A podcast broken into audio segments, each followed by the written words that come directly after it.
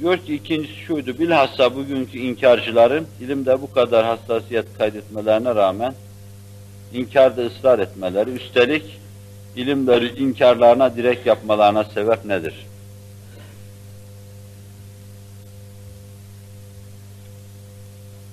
İlim inanmanın yollarından birisidir ama ilim inanma demek değildir. İlim çok mühimdir.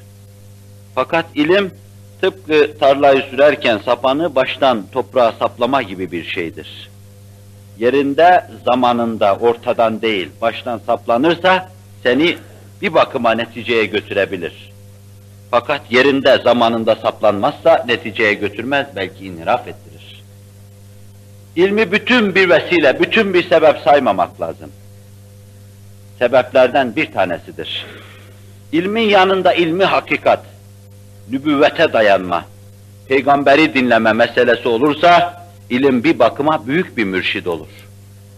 Ama peygamberin dinlenilmediği, belki inkar edildiği yerde, ilim tersine tesir eder. İki tarafa da kesen bir silah gibi bir şeydir ilim. Bildiği için çoklarını çok defa idlal eder. Bildiği için bazen çoklarının hidayetine de vesile olur. Müslümanlık ilim sevgisi telkin etmiştir. Mahiyet itibariyle esasen her şeyi ilme bağlamıştır. Fakat bu ilim Resul-i Ekrem'e teslim olan ilim, Allah'a teslim olan ilimdir. Bunda da faraziyelere, nazariyelere daha az yer verme. Müsbet olarak elde ettiğimiz şeyler açısından o noktadan yürüme. Bizi sahili selamete çıkarır, daha salim kararlar verme imkanını kazandırır bize. Esasen ilim okuyan kimselerin inkar etmemesi lazım bana göre. Mesela ciddi bir tıp tahsili yapan insanın inkarcılığını ben şahsen satiliğine veriyorum. İnsanın teşrihatı karşısında bir insan secdeye kapanması lazım. Avrupa'da nice ilim adamları var ki kendi sahasında gözün anatomisi üzerinde meşgul olurken, teşrihatını yaparken birdenbire dehşetinden, hayretinden kendinden geçiyor. Ne müthiş mekanizmasın diyor. Tabiatta seni nescedecek makina bilmiyorum. Seni dokuyacak, meydana getirecek fabrika tanımıyorum diyor. Gözün karşısında secdeye kapanıyor. Bu imanı, bu izanı anlatılsa Allah'ın azameti karşısında o secdeye kapanacaktır.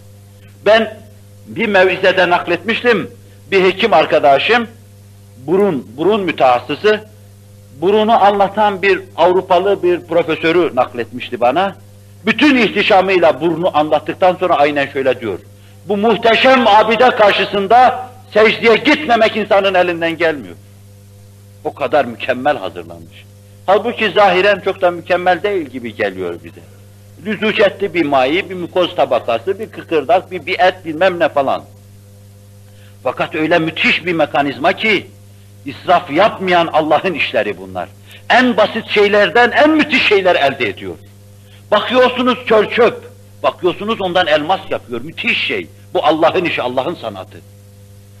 Bir de insanı bütünüyle teşrihatını yapsa bir insan, dehşetinden kendinden geçer, secdeye kapanır. Sadece tıp mı böyle? Tıp Allah dediği gibi, top da Allah diyor. Ziraatı da karıştırsanız aynı şeyi göreceksiniz. Dolaşacaksınız, araştıracaksınız, göreceksiniz.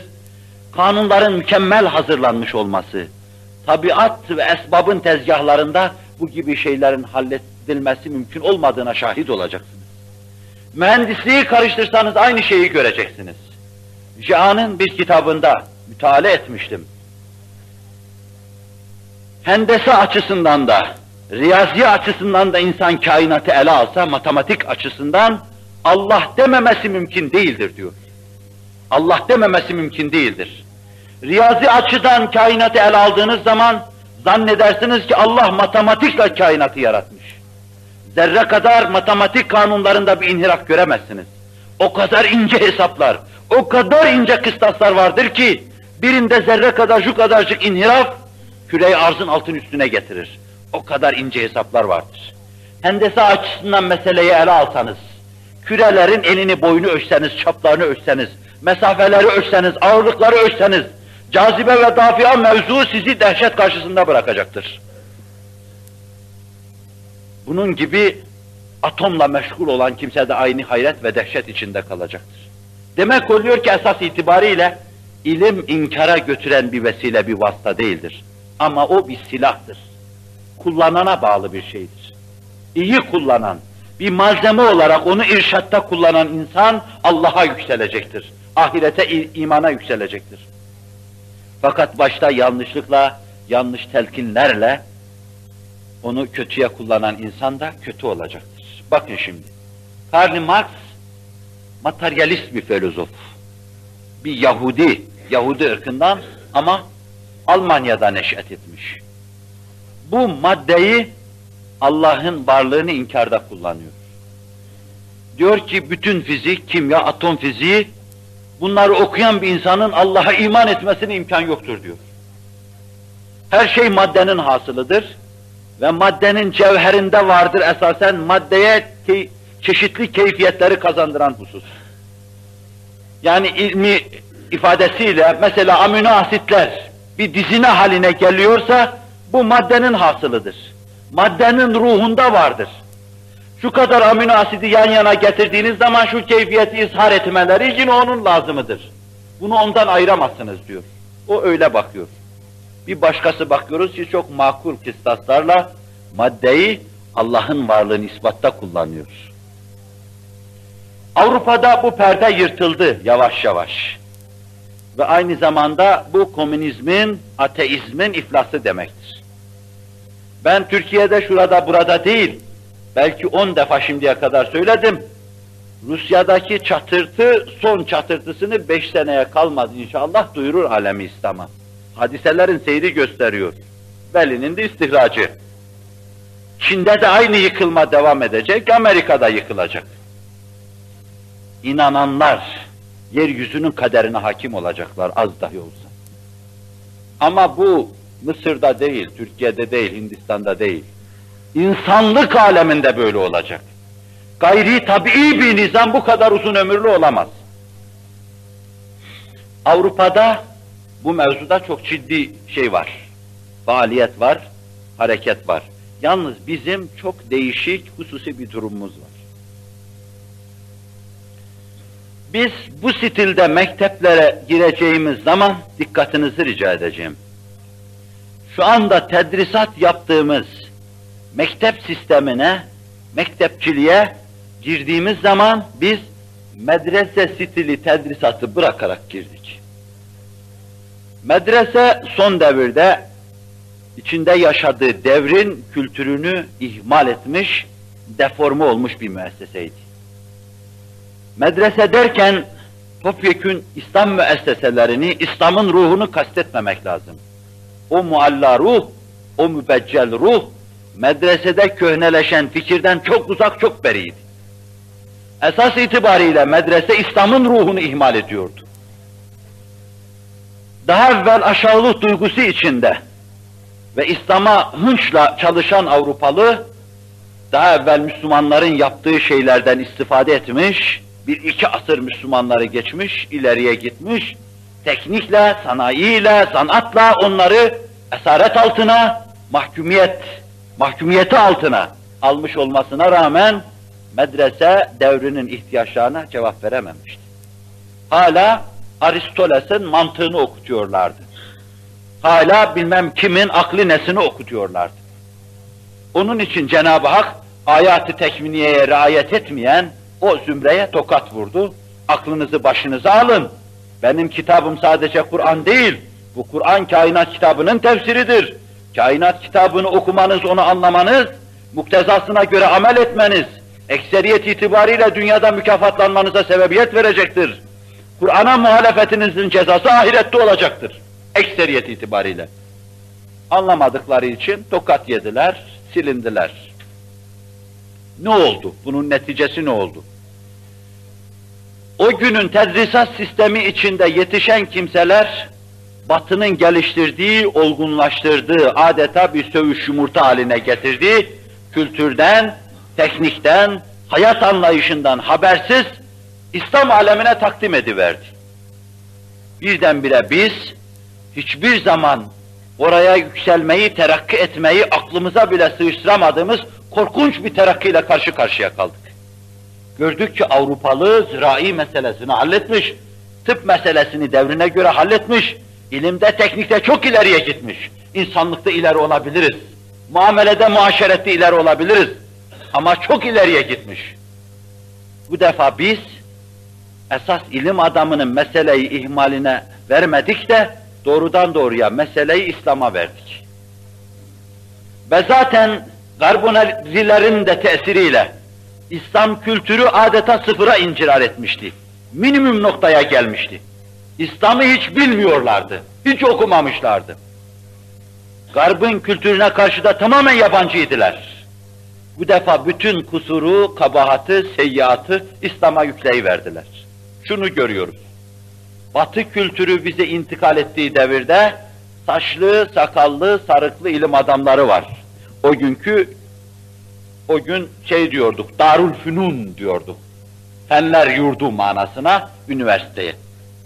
Darül Fünun'un muallimleri İslam'a has, bu milletin ruhuna has, şahsiyet ifade eden ne kadar şey varsa hepsini sırtlarından attılar, birdenbire kör bir batı hayranı kesildiler.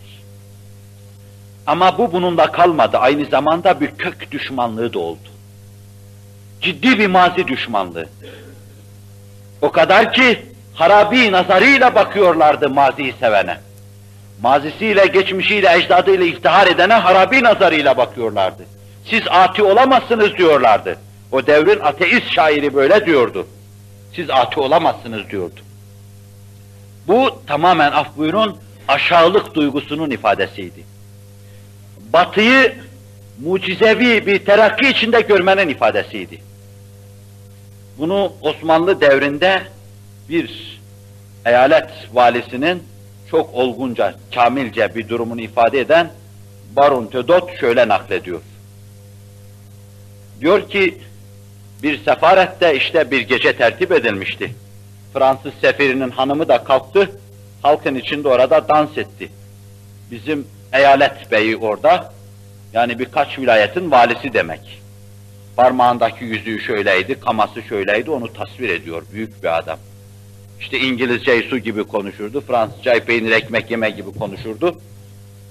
Fakat batıya bir bakışı vardı. Kimdir bu kadın dedi. İşte Fransız sefirinin hanımı, hayret dedi. İngiliz sefiri çok zengin olması lazım ki af buyurun bağışlayın beni. Böyle koskoca bir sefirin hanımını bağışlıyor musunuz diyeyim kelimeyi. Ayı gibi bu kadar milletin içinde oynatıyor. Baron Tödot hükmünü veriyor. Osmanlı diyor o zaman batıya öyle bakıyordu. Batıya bakmak için ayaklarının dibinde bakıyor gibi bakıyordu. Bıyıklarını kesme lüzumunu duyuyordu. Aşağılık duygusu işgal ve istila edince Osmanlı batıya kaşlarını kesip bakma lüzumunu duydu. Gökte yıldızlara bakar gibi bakıyordu. Bu aşağılık duygusu maziye, mefahire, dine, diyanete düşman yaptı. Batılı da kültürü böyle komprimeler halinde takdim etti. Gelen bütün kimya ilmi, fizik ilmi, atom ilmi, astronomi ilmi, tıp ilmi, o gün Kur'an hattıyla yazılmış tıbba ait kitaplar, ziraata ait kitaplar da var. İnkar hesabına çalışıyordu. Çünkü batıdan adapte ediliyordu. Bizde ilim adamı yoktu. Adaptasyoncular orada gördükleri gibi naklediyorlardı. Mesela diyorlardı ki, Müslümanlar esirlere zulmediyorlar, işte şöyle olmalı, böyle olmalı. Zavallı bilmiyordu ki, azınlıkların en fazla huzur içinde yaşadığı Müslümanların içi olmuştur, bilmiyordu. Bilmiyordu ki Allah Resulü men eza zimmiyen fakat ezani demişti. Bir Hristiyana Yahudi'ye eziyet eden bana eziyet etmiştir diyordu. Ama İslam'ı bilmiyordu bu adam. Batıdan gelen her şeyi cazip görüyordu. Bir fikir adamımızın dediği gibi Müslümanlığı batıya götürüp oradan Türkiye'ye veya İslam alemine ithal etme imkanı olsaydı bizim batı hayranlarımız tereddüt etmeden kabul edeceklerdi. Demek oluyor ki bizdeki ilim adamlarının inkarı ilimden gelmiyor esasen. Aşağılık duygusundan geliyor. Körü körüne batının adaptasyonculuğunu yapmalarından ileri geliyor. Mesela size bir meseleyi arz edeyim. Üniversitede, külliyede, Darülfünun'da tedrisat yapan bir talebenin dahi rahatlıkla ötesinden kalkacağı, bir Darwinizm meselesini ilmi bir realite, bir hakikat gibi üniversitelerde tahsil ettiren, eden daha cahil hocalar var. Böyle basit bir meseleyi. Bundan anlaşılıyor ki Batı neyi anlamış, pullamış, süslemiş, bize takdim etmişse o bir kutsiyet kazanmış. Bu da başta onların bir miktar ileriye gitmesinden ve bizim aşağılık duygusu içinde bulunmamızdandır. İnşallah ileride şahsiyetli ilim adamları yetişecek. Kimya kitabına başlarken Bismillahirrahmanirrahim diye başlayacak. Allah'ın adıyla başlıyorum. Amma ba'du. Madde Allah'ın yarattığı en küçük parçadır. Diyecek başlayacak. Allah'ın terkibi ve tahlili içindedir. O zaman göreceksiniz, fünunda, fünunu müsbetede derinleştikçe derinleşen bir insan, o nispette kalbine doğru da derinleşecektir. Anatomiye ait bir kitabı aldım, kitapçı dükkanında tevafuken. Arka sayfasını okurken onu gördüm. Müsbet sahada ileriye gittiği nispette kamil insan olabilmek için içinde de o nispette derinleşmesi lazım. Kafasıyla yani ilim ilim derken diyor, ağzıyla Allah Allah dedikçe insan derinleşmiş olacaktır. Adamı tanımıyorum, bir profesörmüş valla. Allah ebediyen senden razı olsun dedim kendi kendime. Kimdir bilmiyorum, belki tıp talebeleri bilirler onun kim olduğunu. Tekrar edeyim, ilim inkara götürmüş değildir. İlim kötüye kullanılmasıyla milleti inkara saptırmıştır. Ama bizim inkarımızın temelinde Yahudi oyunu vardır, körü körüne batı taklitçiliği vardır, aşağılık duygusu vardır ve bizden evvelki ecdadın medresede batının kültürüne karşı, devrin kültürüne karşı gözlerini kapamaları, ihmal etmeleri vardır. İmkanım olsaydı bunu bizim hangi kitapları, kaç kitabı nasıl okumamız, nasıl amel etmemiz gerekiyor o hususu devrin adamının kıstasları içinde arz etmeyi düşünürdüm. Fakat bu kadar şey içinde onu da arz etmem herhalde sizi sıkar. Bir başka zamana bırakın. Kafirler ve ehli dalaletin çokluğuyla beraber bazı imanı hakikatları inkar ediyorlar. Filozoflar inkar ediyorlar, profesörler inkar ediyorlar, ediyorlar. Bir kısım zayıf kimseleri tereddüte düşürüyor bu. Hakikaten diyorlar yani. Mesela siz üniversitenin şu dalında, şu dalında, şu dalında ihtisas yapan bir adamdan daha fazla mı biliyorsunuz? Birinci şeye bağlı yani veya ikinci sorunun cevabına bağlı. O bir kere piste yarıdan girdikten sonra bir hükme varılamaz. Hakem heyeti de onun hakkında bir hüküm veremez esasen. Yine o düşünür adamın bir kaltaban at hikayesi vardır. Müsaade buyurur musunuz size nakledeyim. Nezaketi belki ihlal eder ama bir hipodromda atlar yarışa giriyor tabi. İşte en iyi koşan atlar önde koşuyorlar. Bunların içinde bir kaltaban var ki, onlar iki defa tur yapıp geliyorlar, bu daha yarım tur yapmamış.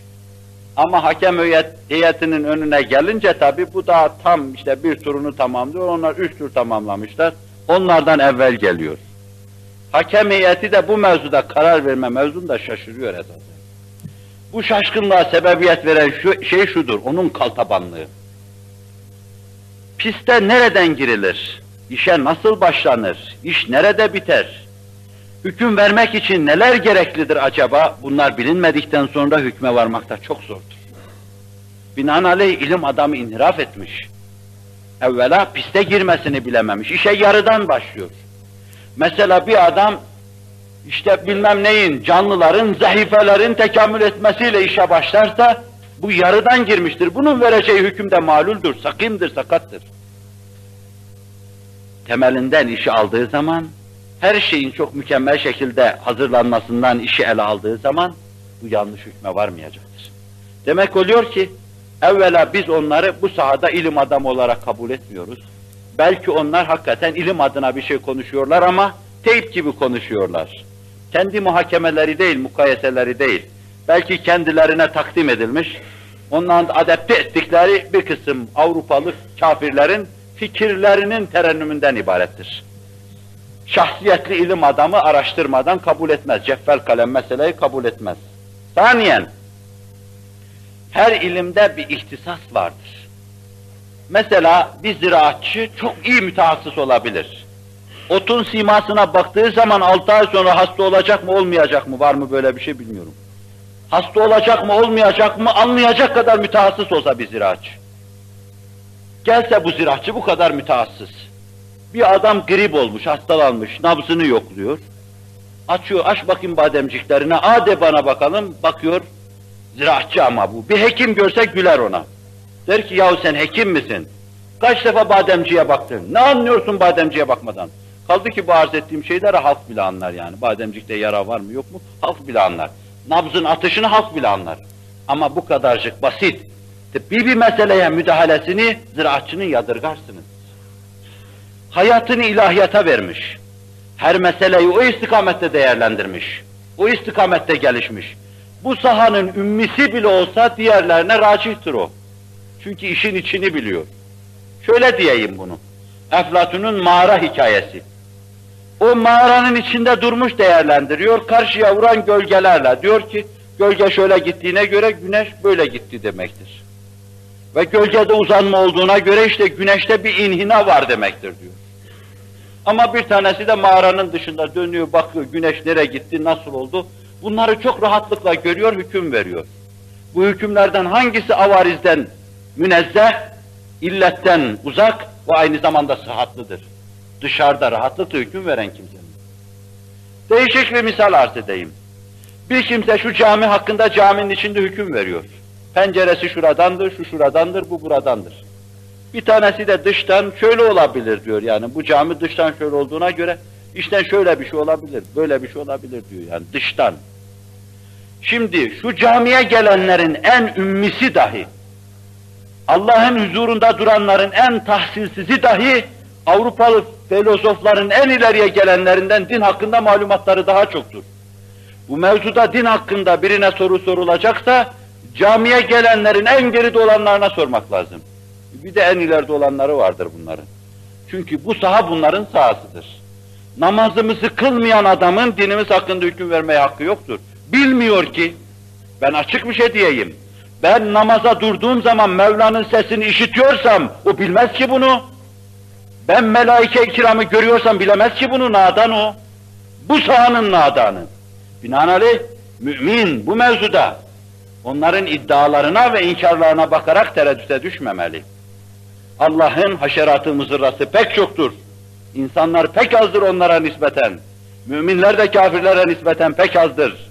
Cennet insan istediği gibi cehennem de istemektedir. Ona da gidecek, ona da gidecek. Sakili, sefili, eracifi aşağıya gidecek. Nuranisi, berrakı, parlağı yukarıya gidecek.